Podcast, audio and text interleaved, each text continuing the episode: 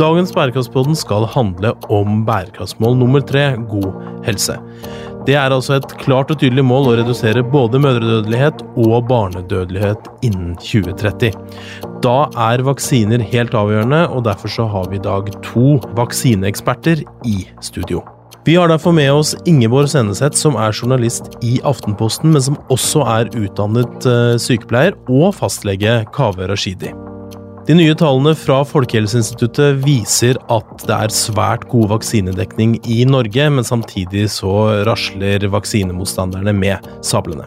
UNICEF er FNs barnefond, og vi vaksinerer altså halvparten av verdens barn sammen med våre partnere. Mitt navn er Kim Gabrielli og er assisterende generalsekretær i UNICEF eh, Norge. UNICEF sitt oppdrag er å sørge for at alle barn får overleve, vokse opp og utvikle seg til sitt fulle potensial.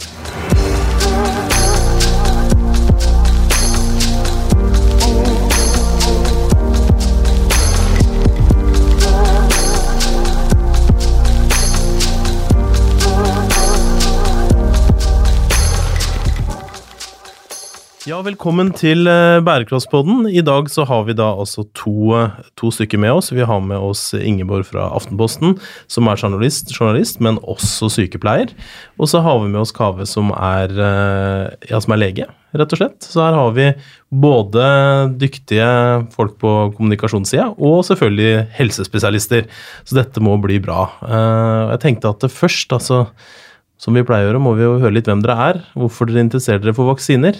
Uh, ja, uh, Kava, har du lyst til å begynne? Hva, hvorfor er dette så viktig for deg? Det er en naturlig forlengelse egentlig av å være helsepersonell, føler jeg, og bry seg om vaksiner. Det er det tiltaket vi har i samfunnet som redder flest liv. Det er supereffektivt økonomisk. Og uansett hvor i helsevesenet man jobber, så, så, møter man på vaksinerelaterte problemstillinger. Så hvis man er helsepersonell, hvis man bryr seg om at folk skal ha god helse, så er det nærmest obligatorisk å bry seg om vaksiner også. Ja, Vi pleier jo på en måte å si at uh, i UNICEF da, at uh, det er jo bare et stikk i armen, så liksom, redder du liv. Og det er, jo en, det er jo ikke så ofte man kan si det om intervensjoner og tiltak, men dette er jo et av dem. Nei, det er nesten for godt til å være sant. Ja, ikke sant. Mm. Det er nesten så det er fake news, men det er ikke det, altså. Ja, hva tenker du? Hvordan, hvem er du? Hvorfor er du interessert i dette, Ingeborg? Um, jeg har vært interessert i det lenge i utgangspunktet fordi at jeg jo er helsepersonell sjøl. Uh, men også fordi at det favner så mye bredere, da. Fordi at um, det vi ser at en del uh, tviler på vaksiner, at det blir uh, saker ut av folk som ikke ønsker å ta osv. Um, det blander seg inn med konspirasjonstenkning, det blander seg inn med populisme. Det er veldig mange aspekter ved akkurat vaksiner som gjør det så interessant å se på det også som et fenomen. Da.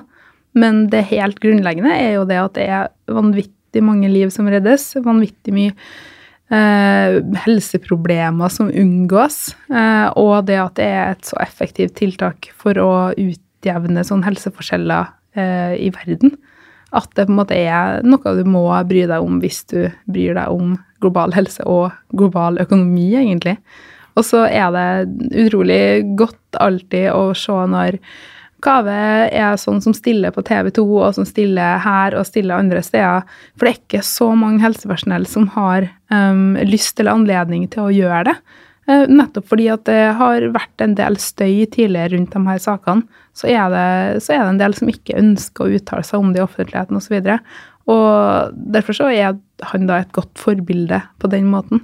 Så, jeg er jo litt nysgjerrig også på For du er utdanna sykepleier, ikke sant? Ja. Men, men, så har du blitt journalist. Hvorfor, ja. hvorfor det? Eh, Blir ikke alle sykepleiere journalister? Nei, jeg, jeg, jeg, kjenner ikke så mange, da, men eh, du kjenner kanskje noen. Eh, men ja. Eh, hva var motivasjonen for det, på en måte? Um, det er jo en veldig Ja, det, den korte versjonen um, er jo det at jeg i utgangspunktet hadde lyst til å bli journalist, men jeg er fryktelig opptatt av helseting egentlig alt mulig. Halve Instagram-feeden min er sånne medical-kontoer som legger ut bilder av ulykker og av avredne lemmer og operasjoner. Det er sånt som jeg syns er kjempeinteressant. Um, men så var jeg utrolig dårlig i realfag, så jeg kunne ikke bli lege. Uh, og da var sykepleie et bra alternativ. Men uh, da jeg var ferdig utdanna, så ble jeg sjuk sjøl. um, og havna på sykehus. Um, og skulle egentlig ikke overleve det, men da jeg gjorde det, så tenkte jeg at nå må jeg forfølge den drømmen jeg hadde i utgangspunktet. Så da flytta jeg til Oslo uten jobb, uten skoleplass og uten plass å bo, um, og satsa på å finne uh, noen som hadde lyst til å bruke meg og det jeg kunne. Og det var tilfeldigvis Aftenposten. Så der har jeg vært nå i seks år i år. Så det var den veldig kronglete veien inn i journalistikken for min del. Så vi har en lidenskapelig helsejournalist med andre ord i studio. Eh, og det er veldig spennende og veldig interessant bakbilde. Eh, jeg tror jeg må si at ja. jeg vet at man ikke skal være så pirkete, men jeg kan ikke kalle meg helsejournalist. Eh, vi har en egen helsejournalist i Aftenposten som heter Tine Dommerud. Eh, vanvittig dyktig dame, og da dekker hun et mye, mye mye bredere felt eh, enn hva jeg gjør. Det er jo helt sånn utvalgte ting som jeg kommenterer på. Eh, men til daglig så jobber jeg jo med eh, både utenrikspolitikk, innenriks eh, og masse med antisemittisme og andre ting som på merkelig vis også er relevant i det her bildet, da. Altså er det et sted man skal være pirkete og litt nerdete, så er det jo her. Så det syns jeg absolutt. Eh, og med, kanskje med den starten, da, så, så tenker jeg at eh, vi slenger jo rundt oss med, med, vaksiner, og UNCEF er opptatt av det selvfølgelig fordi vi eh, sammen med våre partnere vaksinerer halvparten av verdens barn. Eh, men, men hva er egentlig en vaksine? For det er jo et ord vi bruker hele tiden. Alle tenker ja, jeg vet hva en vaksine er. Mm. Men Kaveh, hva, hva er det? Vel, kroppen vår har den fancy funksjonen at hvis vi blir syke av en infeksjon, være seg virus eller bakterier, så er det veldig veldig ofte at kroppen husker den sykdommen, så da blir vi ikke syke neste gang vi får samme sykdom. Det prinsippet bruker man når man gir noen en vaksine. Da gir man personen en svak eller en døende versjon av en sykdom. Gir kroppen en enkel kamp til å kjempe mot den infeksjonen, men samtidig gi kroppen hukommelse for å klare å bekjempe infeksjonen neste gang den kommer. Så for å si det litt enkelt, da, så er det altså at du omtrent gnir infeksjonen inn i såret, sånn at, ikke, at det venner seg til den Nei, jeg må si det litt enklere. Ok, Du får en svakere versjon av sykdommen, og da lærer kroppen din å bekjempe den sterke versjonen av sykdommen i samme slengen. Ja, ikke sant. For hvis du hadde fått den sterke versjonen første gangen, så kunne den ha drept deg, ja, eller gjort noe annet uheldig med helsa di. Men jeg tror jeg vet hvorfor du sa akkurat det med å gni sykdommen inn. Eh, mm. Det var en av de aller, aller første vaksinene som eh, kom til i det hele tatt. Det var jo en fyr som eh, hadde stilt seg spørsmål ved hvorfor var det eh, sånn at budeiene ikke ble like syke av kopperviruset som andre. Eh, de fikk sjeldnere sykdommen, da. Um, og han kom fram til det at budeiene var utsatt for kukopper, som er en sånn mildere versjon. Um, og tenkte at ok, hvis det er sånn at den mildere versjonen gjør at de ikke blir syke av den mest alvorlige versjonen, går det da an å utsette folk for litt sykdom, sånn at de uh, ikke blir fullt så syke?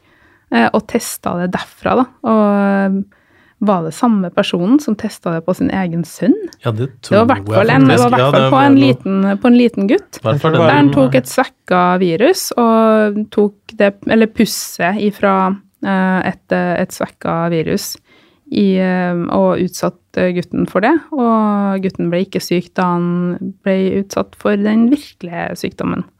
Ja, ikke sant? Det er i hvert fall den urbane legenden. er i hvert fall det. Ja. Eh, og så er det fascinerende hvor raskt det der spredte seg. Det der tror jeg var, det var på slutten av 1700-tallet. 1796, tror jeg. Og så tok det to år eh, for å få det publisert, selve eh, denne studien som han gjennomførte. Og tre år etter det igjen bare, så hadde man den første koppevaksinen i Norge. Jeg på det. 1801. Helt utrolig. Og så raskt går det ikke nå for tida.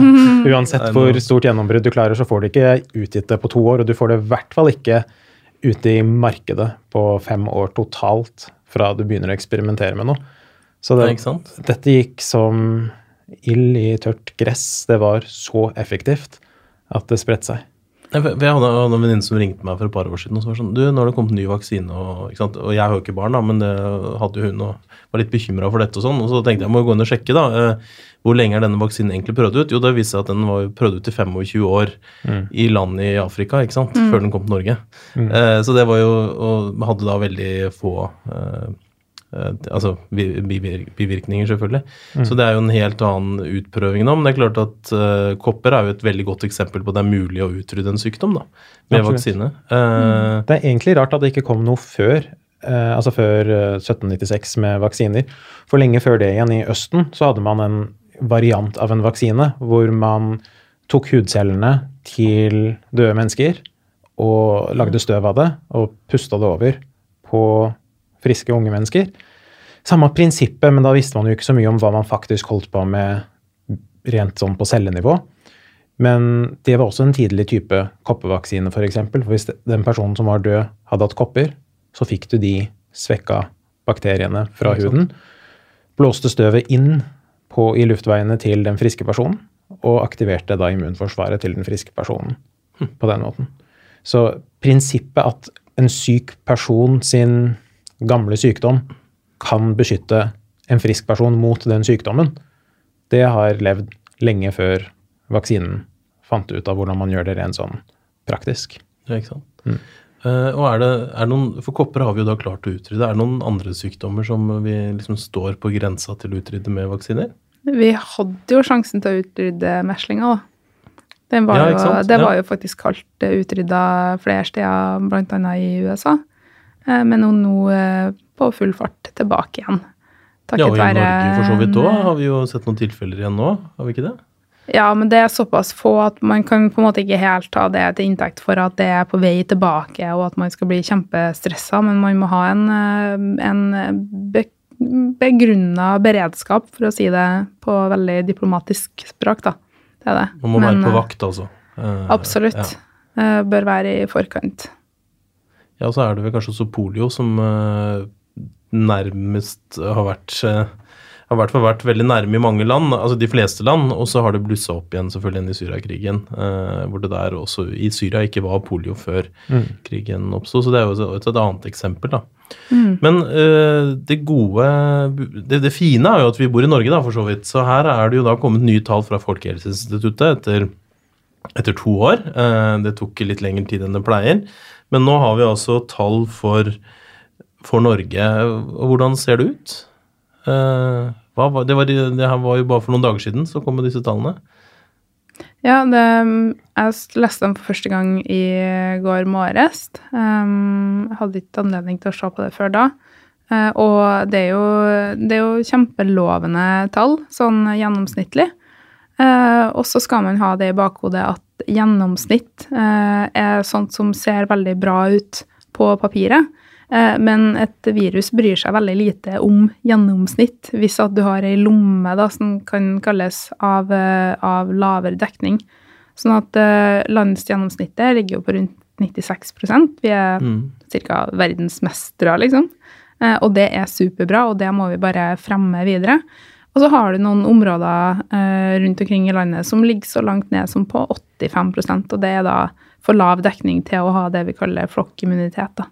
Ja, Ja, det er vel er bydeler i Oslo Ja. som er mest utsatt. Mm. Um, Sagene, tror jeg. Sankthanshaugen, Frogner.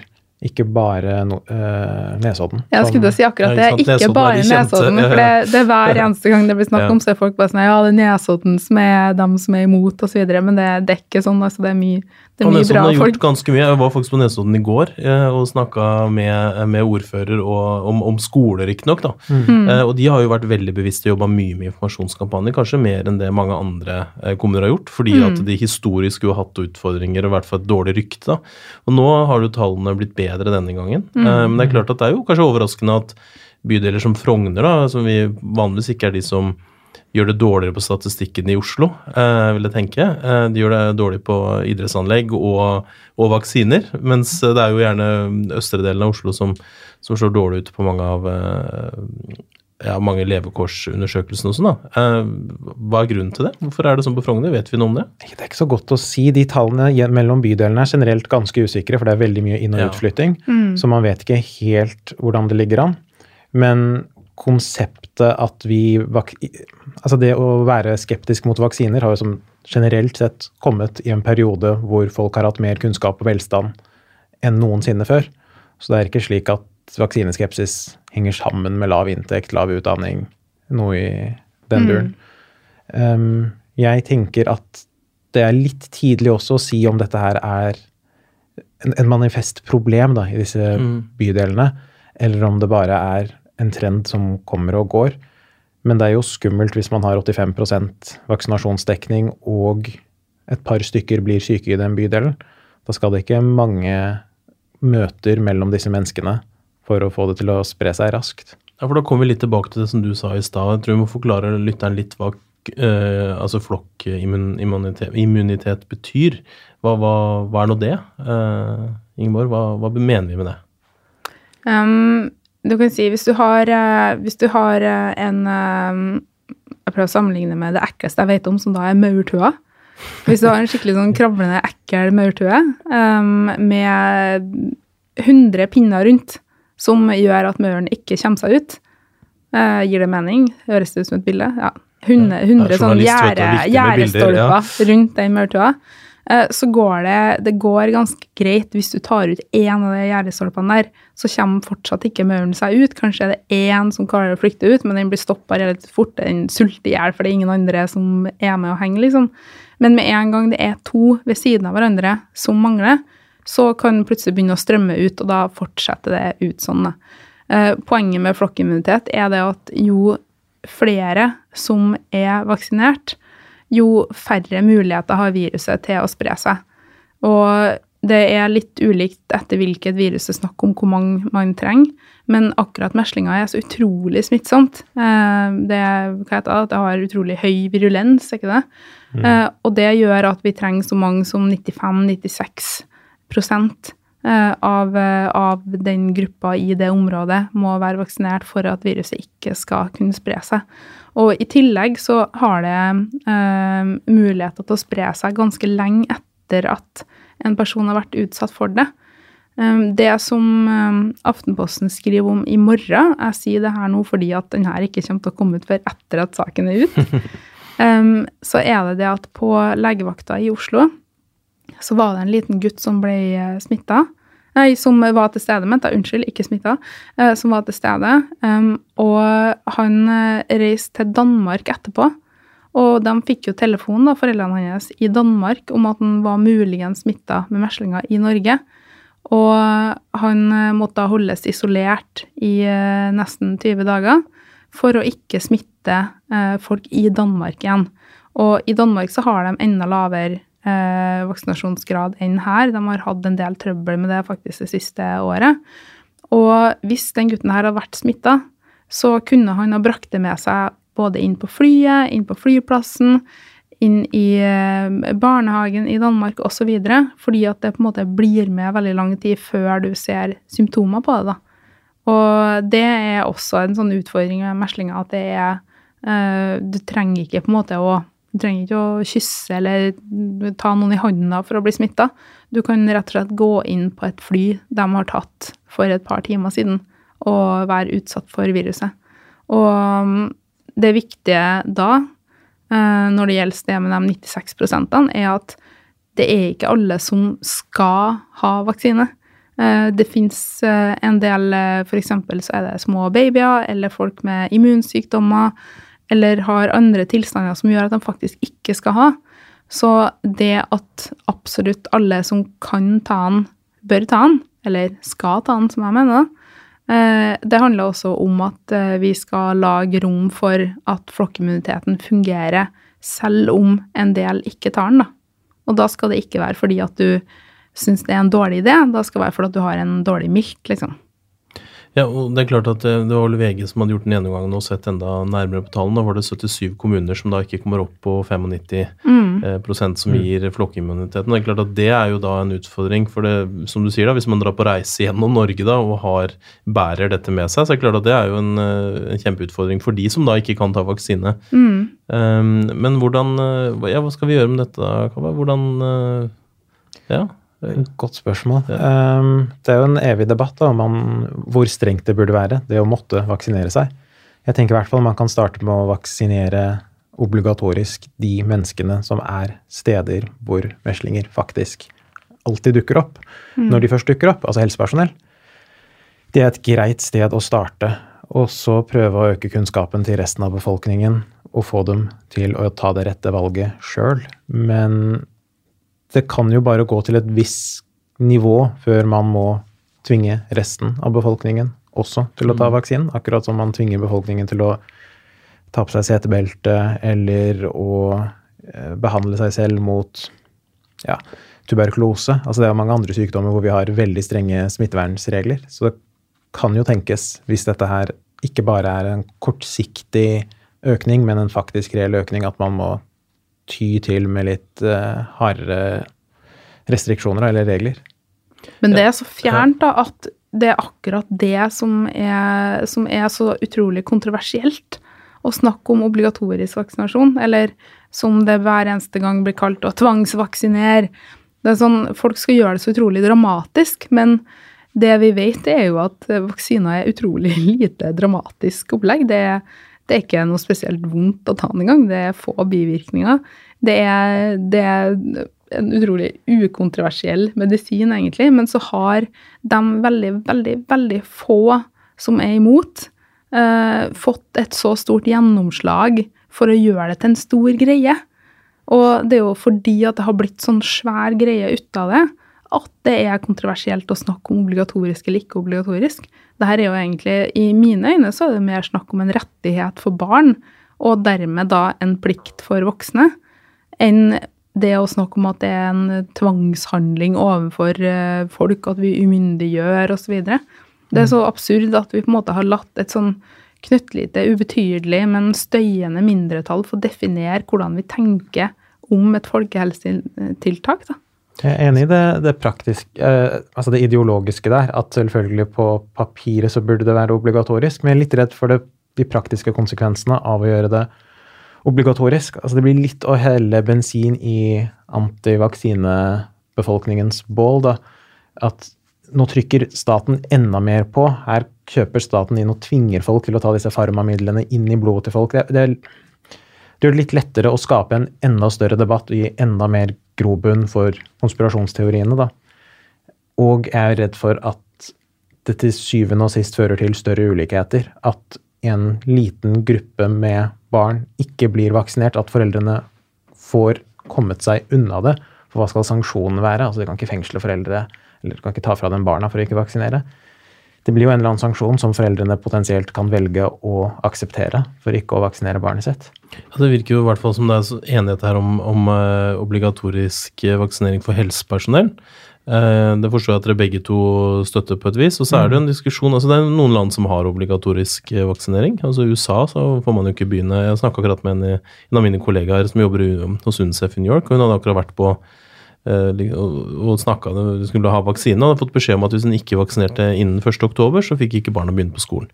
Og det går litt tilbake, og det kan jo føles som en naturlig ting å gjøre. Som du eh, sa også, Ingeborg, at dette er jo så avgjørende for at de ikke skal bli syke og at de skal overleve. altså En grunnleggende rettighet for et barn. Men er det ikke også noen utfordring knytta til hvis man da ikke får gå på skolen fordi foreldrene har tatt et valg, f.eks.? Eh, hva tenker du om det? Jeg syns det er det store dilemmaet, da. Fordi at Mm. når du sanksjonerer foreldre, så sanksjonerer du også barnet. Og det er jo egentlig ikke noe som jeg uten videre kan si at det er ålreit. Men vi må òg ta i betraktning at noen går det her utover. Eh, når noen ikke er vaksinert, så er det noen det går utover. I eh, Danmark akkurat nå så sitter en annen, ikke den gutten som jeg snakka om i sted, men en annen liten unge, som ikke kan gå utendørs fordi at han har en immunsykdom som gjør at han ikke kan ha eller skal ikke ha vaksinen. Men rundt i hans nærområde så er det for lav dekning. Så foreldrene vet at for han er det livsfarlig å gå utendørs. Han sitter i et sånn eh, virusfengsel hele dagen fordi at andre har valgt å ikke vaksinere. Sånn at vi må hele tida veie opp for hvem sin frihet er det som blir begrensa, og hvem sin frihet er det som blir innskrenka på andre måter. da. Sånn at uh, vi kan ikke bare se på det ene eller det andre. Vi er nødt til å ja, finne en balanse der, da. Mm. Men det fins jo også jeg er veldig 50-50 uh, på det om man burde ha obligatoriske vaksiner eller ikke. Men det fins mm. kanskje litt mildere tiltak man kunne ha brukt i begynnelsen, av typen man må søke skriftlig for ikke å vaksinere. Bare sånn gjøre det litt vanskeligere da, å ikke vaksinere barna sine. Lage mm. litt ork. Um, og på den måten få vaksinetallet totalt opp. Ja, jeg tror Fra, fra også UNICEFs side så har vi gått inn for at man bør ha se på dette med obligatorisk vaksinering. Eh, og da er det jo spørsmålet hva er sanksjonsmulighetene på en måte. ikke sant? Eh, og det er utfordrende å liksom, ta fra barna skoleplass fordi eh, foreldrene har tatt et valg. Eh, men jeg, jeg, tror at du er inne på noe, Kava, også. Hva er, hvilke muligheter finnes det da for å gjøre det eh, klart og tydelig at uh, her skal barn vaksineres? Fordi at det er jo ikke Igjen, hvis de ikke blir vaksinert, så er jo det også et valg som foreldrene tar. Mm. Så hvis de da får dobbelt eh, Altså eh, ikke blir vaksinert og ikke får gå på skolen, så er det jo veldig, veldig ille. Så det å finne en god balanse her tror jeg er eh, Vi har vært, prøvd å være veldig tydelige på at dette er som å ta på, som du sier, da, ta på seg sikkerhetsselene. og bør være noe naturlig, men det må jo, det må jo gi den ønska resultatet, da. At mm. uh, flere blir vaksinert. Vi sier det motsatte resultatet som du sa at det kan kunne skje. ikke sant? At man får en eller annen uh, At det blusser opp måte, mer vaksinemotstand. Nå sier jo Folkehelseinstituttet at, uh, at det ikke, altså vaksinemotstanden ikke har økt, ifølge deres gjennomgang nå. da. De Men det som er jo at um, jeg blir litt sliten av å høre det argumentet om at du bare gjør foreldre mer bekymra osv. For man kan like gjerne snu på det. Um, jeg vet ikke hvor mange vaksinemotstandere og tvilere som uh, Folkehelseinstituttet snakker med.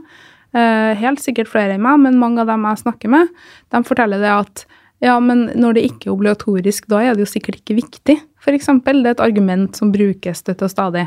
Uh, de tenker jo at det er viktigere med bilbelte enn med vaksiner, fordi at det ene er obligatorisk, det andre ikke. Sånn at det gir også en signaleffekt. da. Og så må man òg tenke på det at det er ikke bare det at noen er redd for vaksiner eller andre ting som gjør at tilslutninga eller oppslutninga om det er god. Det henger sammen med tillit, og Norge er et land med ekstremt høy tillit fra før.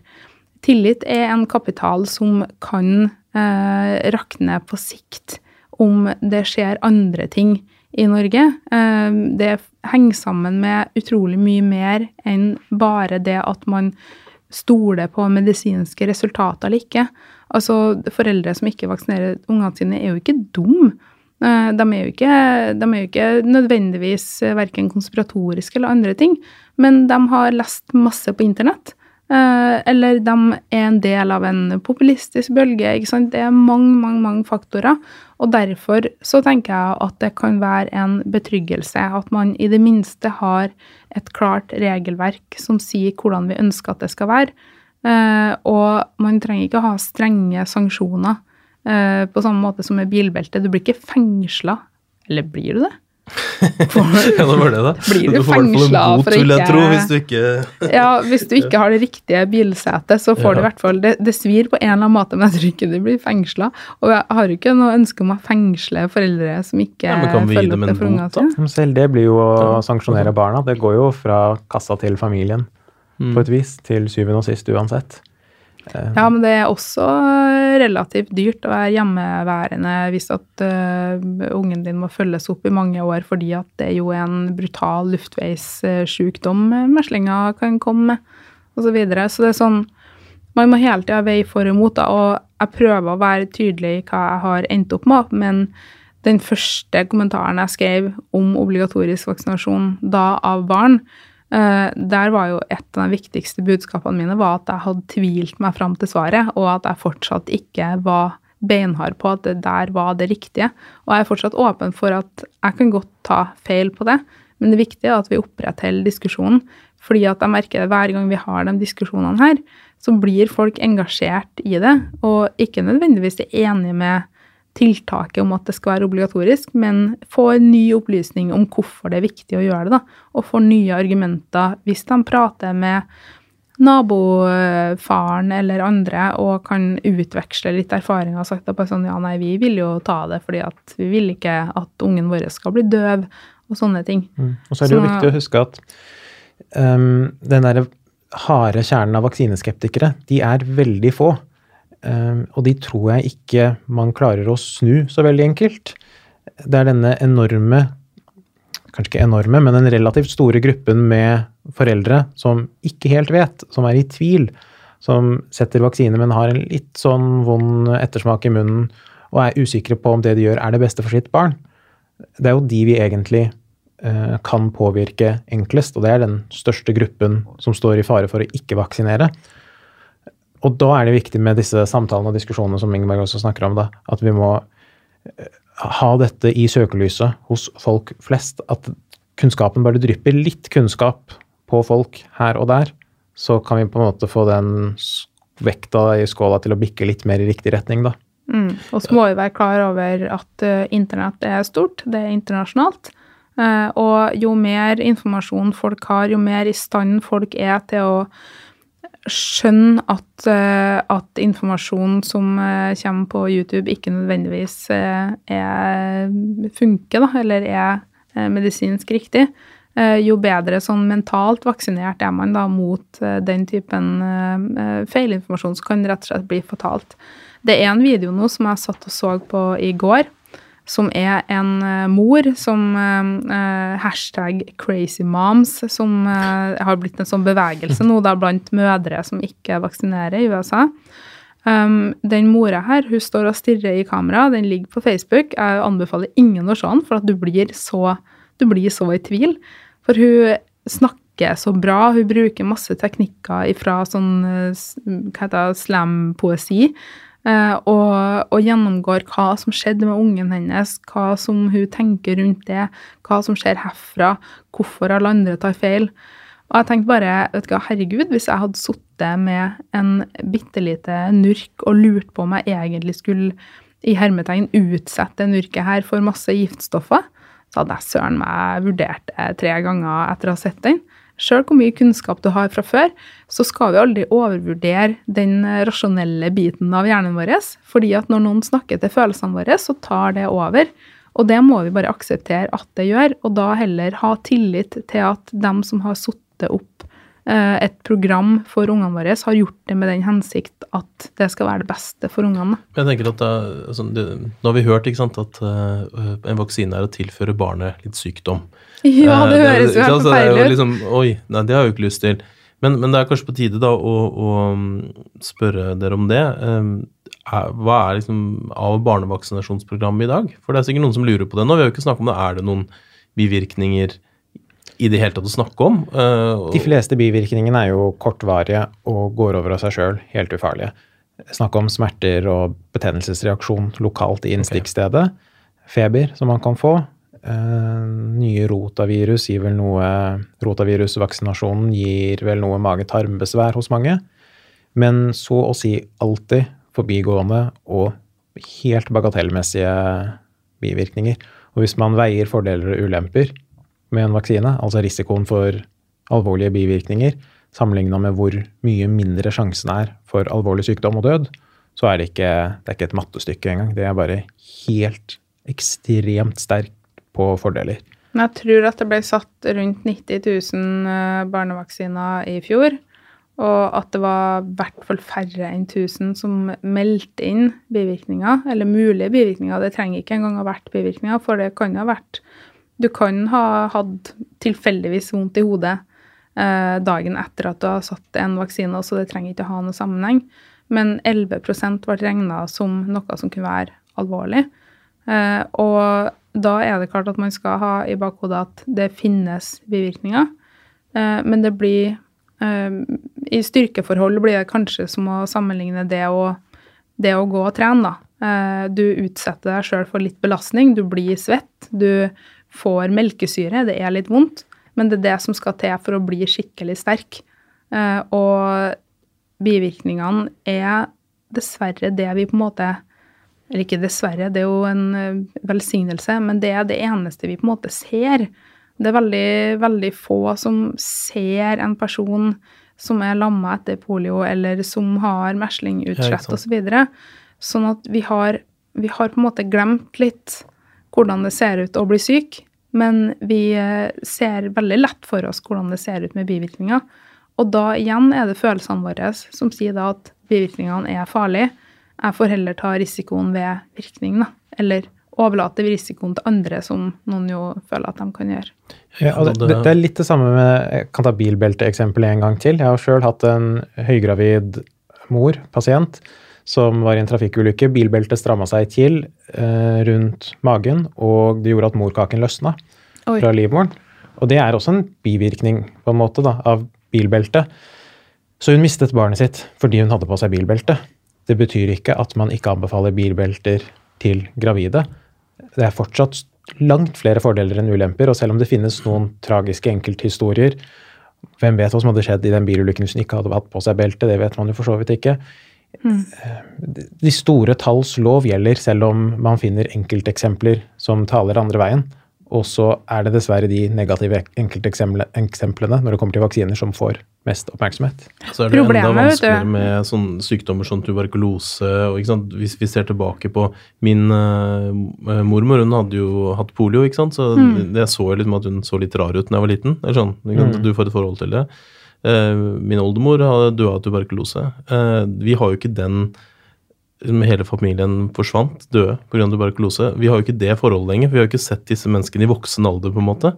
Eh, Men det er jo det, som, det, er det vi snakker om her. Kontra det å få vondt i hodet, få vondt i magen. Det er en helt altså, Proporsjonelt så er det jo helt ufattelig, men fordi vi aldri ser det i Norge, så er det jo så vanskelig. Eh, Men et lite eksperiment man kan gjøre, man kan ta oss og se, det ligger en dokumentar på NRK nå som ikke handler om vaksiner, men som handler om en religiøs sekt i USA som er imot all helsehjelp. Altså, de, de hadde ikke gipsa hvis de hadde brukket en fot, så, så vil ikke de bruke det.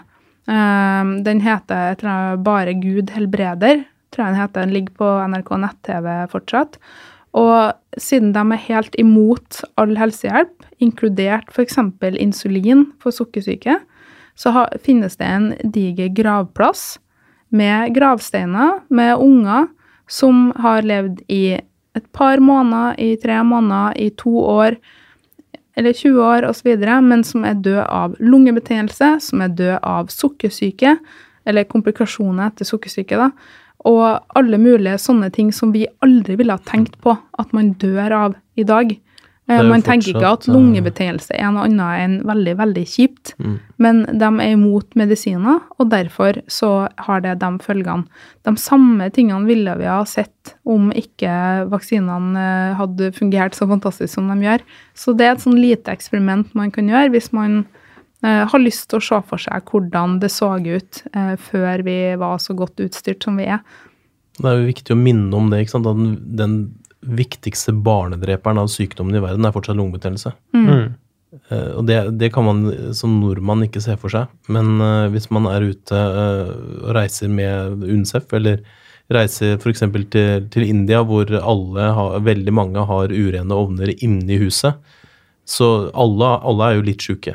Alle, er jo, alle har jo en eller annen form for uh, luftveisinfeksjon. Du hører det jo når du snakker med, med folk, alle sammen. Det er klart Når alle har den samme lyden når de prater eh, i et område, så blir det jo også noe normalt. Samme drar til Kambodsja, hvor, hvor halvparten av barna er underernærte eller feilernærte. Det er klart Da blir det noe, ikke sant? Da blir det noe normalt, sånn at da, da ser man ikke lenger forskjellen. Og det er, det er det som er så farlig. ikke sant? At Vi får jo aldri se det. så For oss også er jo det normale at man aldri er syk, egentlig. altså sånn i den store bildet. Og det er også litt farlig at man sier ja, hvis man drar til Kambodsja osv. For da kommer det argumentet tilbake igjen som vi nesten starta med, da. At en del tenker at eh, det går bra uansett fordi at vi er så godt ernært, eller vi har så godt sånn og sånn osv. Og, så videre, og en del av dem som argumenterer mot vaksiner, sier jo også det at eh, det hadde allerede begynt å bli mindre eller lavere barnedødelighet da vaksinene kom. Sånn at de tenker at det bare kom samtidig. Og at man beskyttes av at vi har det så bra, på en måte. Ja, vi, Eh, altså hygienetiltakene ble bedre, derfor har det gått bedre, osv. Det fins hele tida nye forklaringer og nye bortforklaringer.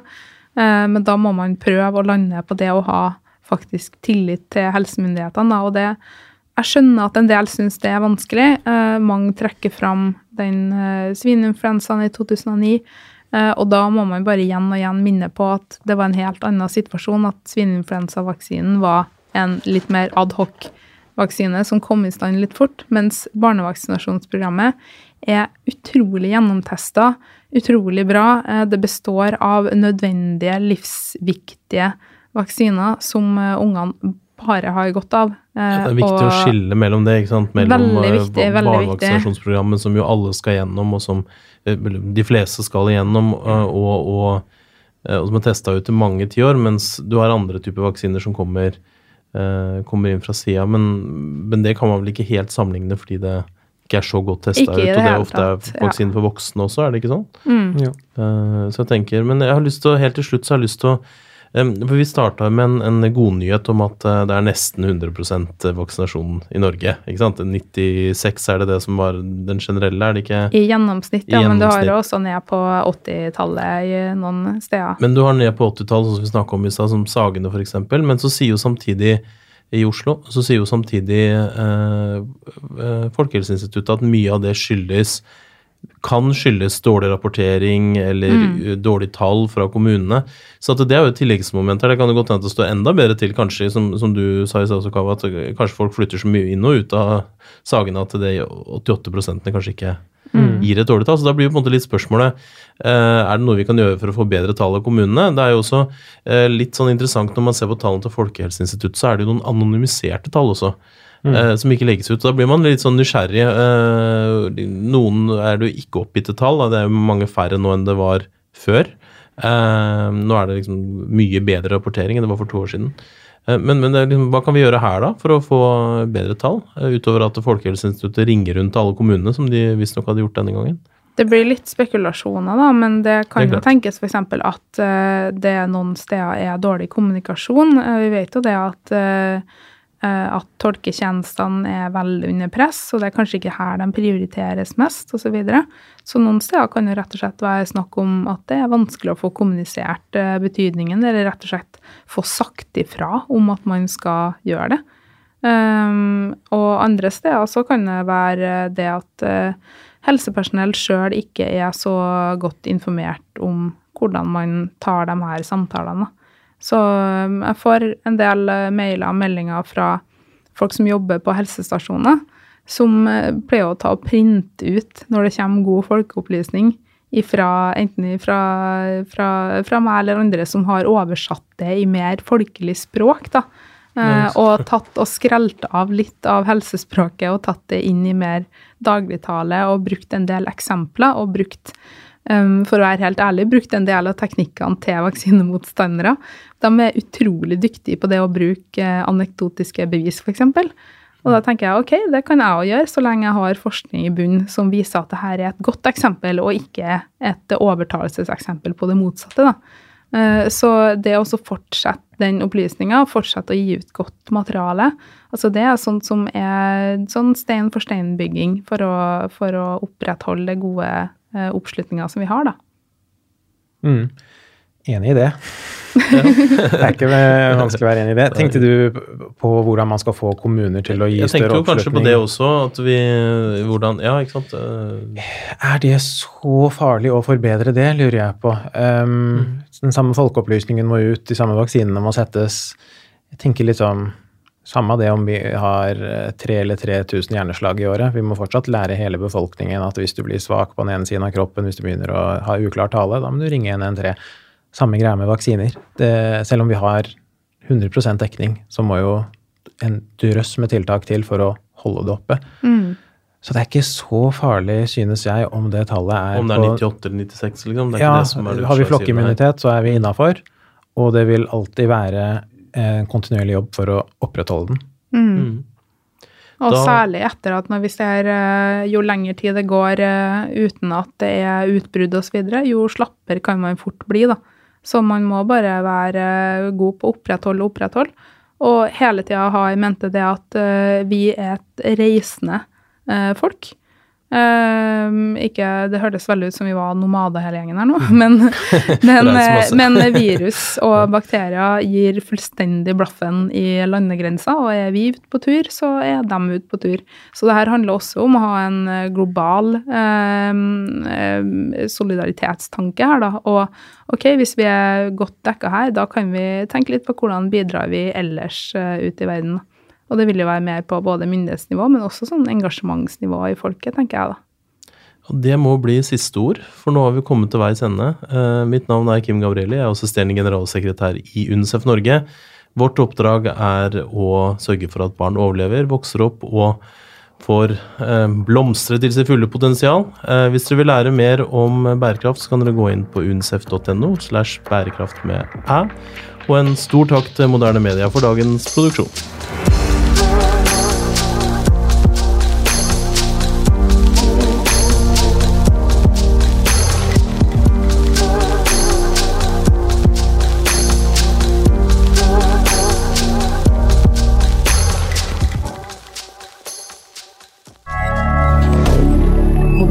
Moderne media.